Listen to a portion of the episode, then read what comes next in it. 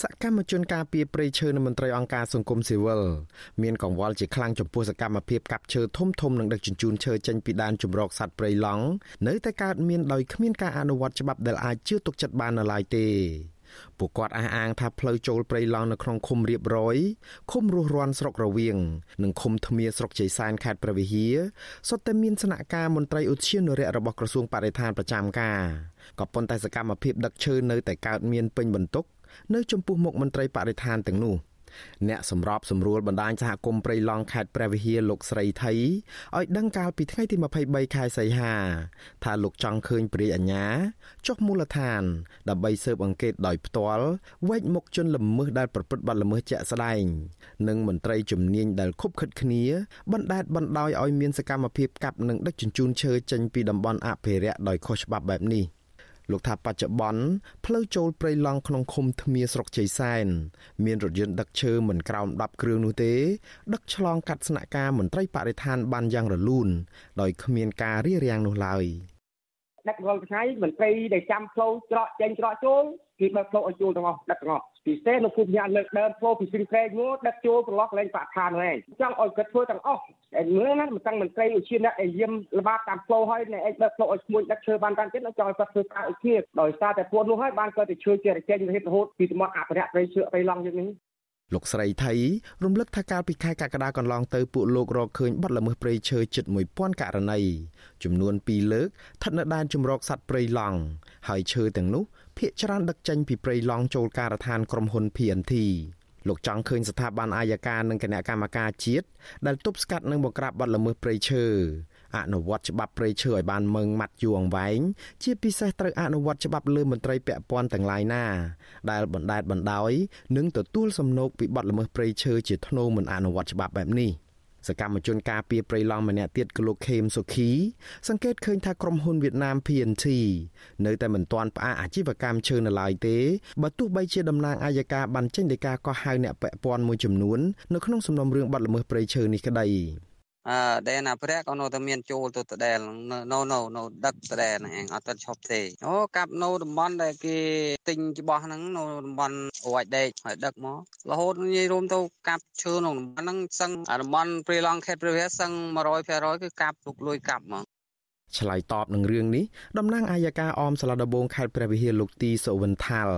បញ្ជាក់យ៉ាងខ្លីថាអ្នកដែលពាក់ព័ន្ធបាត់ល្មើសព្រៃឈើត្រូវតែប្រឈមចំពោះមុខច្បាប់ លោកសង្កត់ធ្ងន់ថាលោកនឹងចុះទៅមូលដ្ឋានដោយផ្ទាល់នៅពេលឆាប់ឆាប់នេះដើម្បីស៊ើបអង្កេតបន្ថែមសំណុំរឿងបាត់ល្មើសព្រៃឈើនៅក្នុងតំបន់ព្រៃឡង់ខេត្តព្រះវិហារ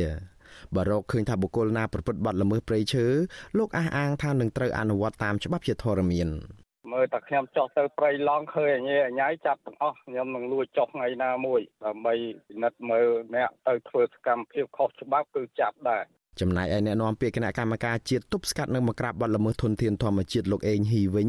លោកប្រាប់វិទ្យុអាស៊ីសេរីថាឲ្យតែមានបទល្មើសគឺគណៈកម្មការជំនាញនឹងបង្ក្រាបក៏ប៉ុន្តែអ្វីដែលសំខាន់គឺត្រូវរកភ័ស្តុតាងឲ្យឃើញសិនលោកបញ្ជាក់ថាការបង្ក្រាបបទល្មើសព្រៃឈើនៅតំបន់នោះគណៈកម្មការជាតិបានកសាងសំណុំរឿងទៅស្ថាប័នអាយកាអស់ទៅហើយលោកបដិសេធបំភ្លឺពីលទ្ធផលដែលគណៈកម្មការជំនាញបង្ក្រាបបទល្មើសព្រៃឈើនេះពេលកន្លងមក ឲ្យតែមានបទល្មើសគឺគណៈកម្មការជាតិក្រាបហើយបាទសំខាន់គឺយើងរកផតាំងឃើញសិនហ្នឹងក្រុមហ៊ុន PNT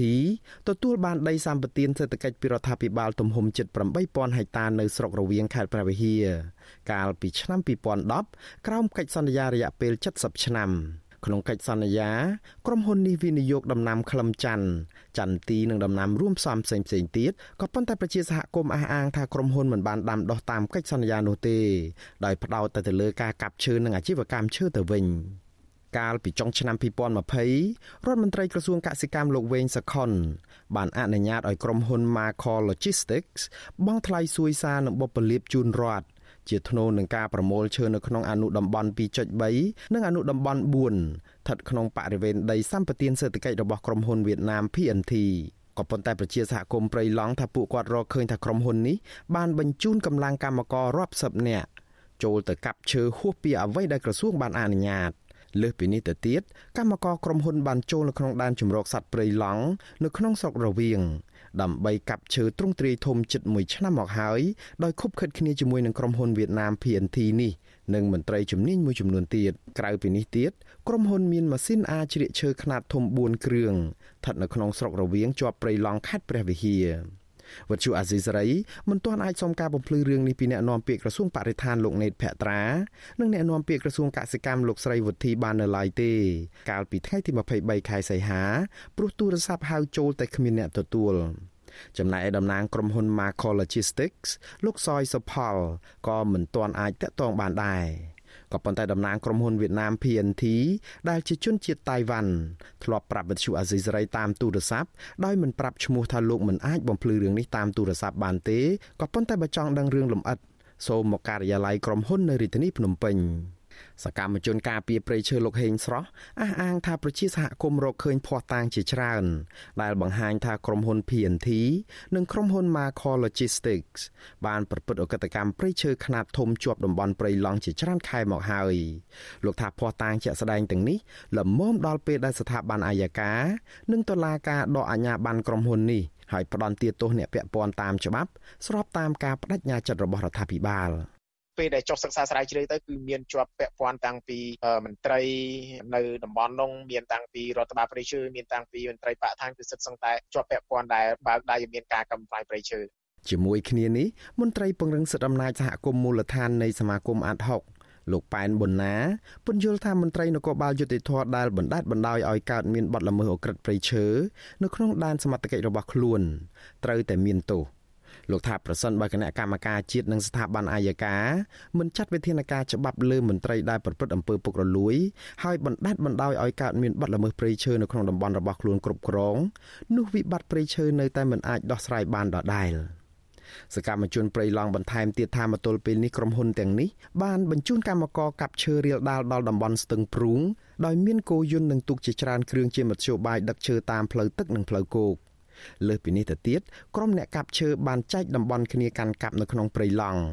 ដោយមួយកន្លែងមានមនុស្សចាប់ពី10ទៅដល់30នាក់បោះតង់នៅក្នុងព្រៃដើម្បីកាប់និងដឹកឈើចេញពីតំបន់អភិរក្សមួយនេះចូលការដ្ឋានក្រុមហ៊ុនវៀតណាម PNT ដែលស្ថិតនៅក្នុងស្រុករវៀងខេត្តព្រះវិហារខ្ញុំបាទមុងណារ៉េត With you Azizi Saray ប្រធានាធិបតី Washington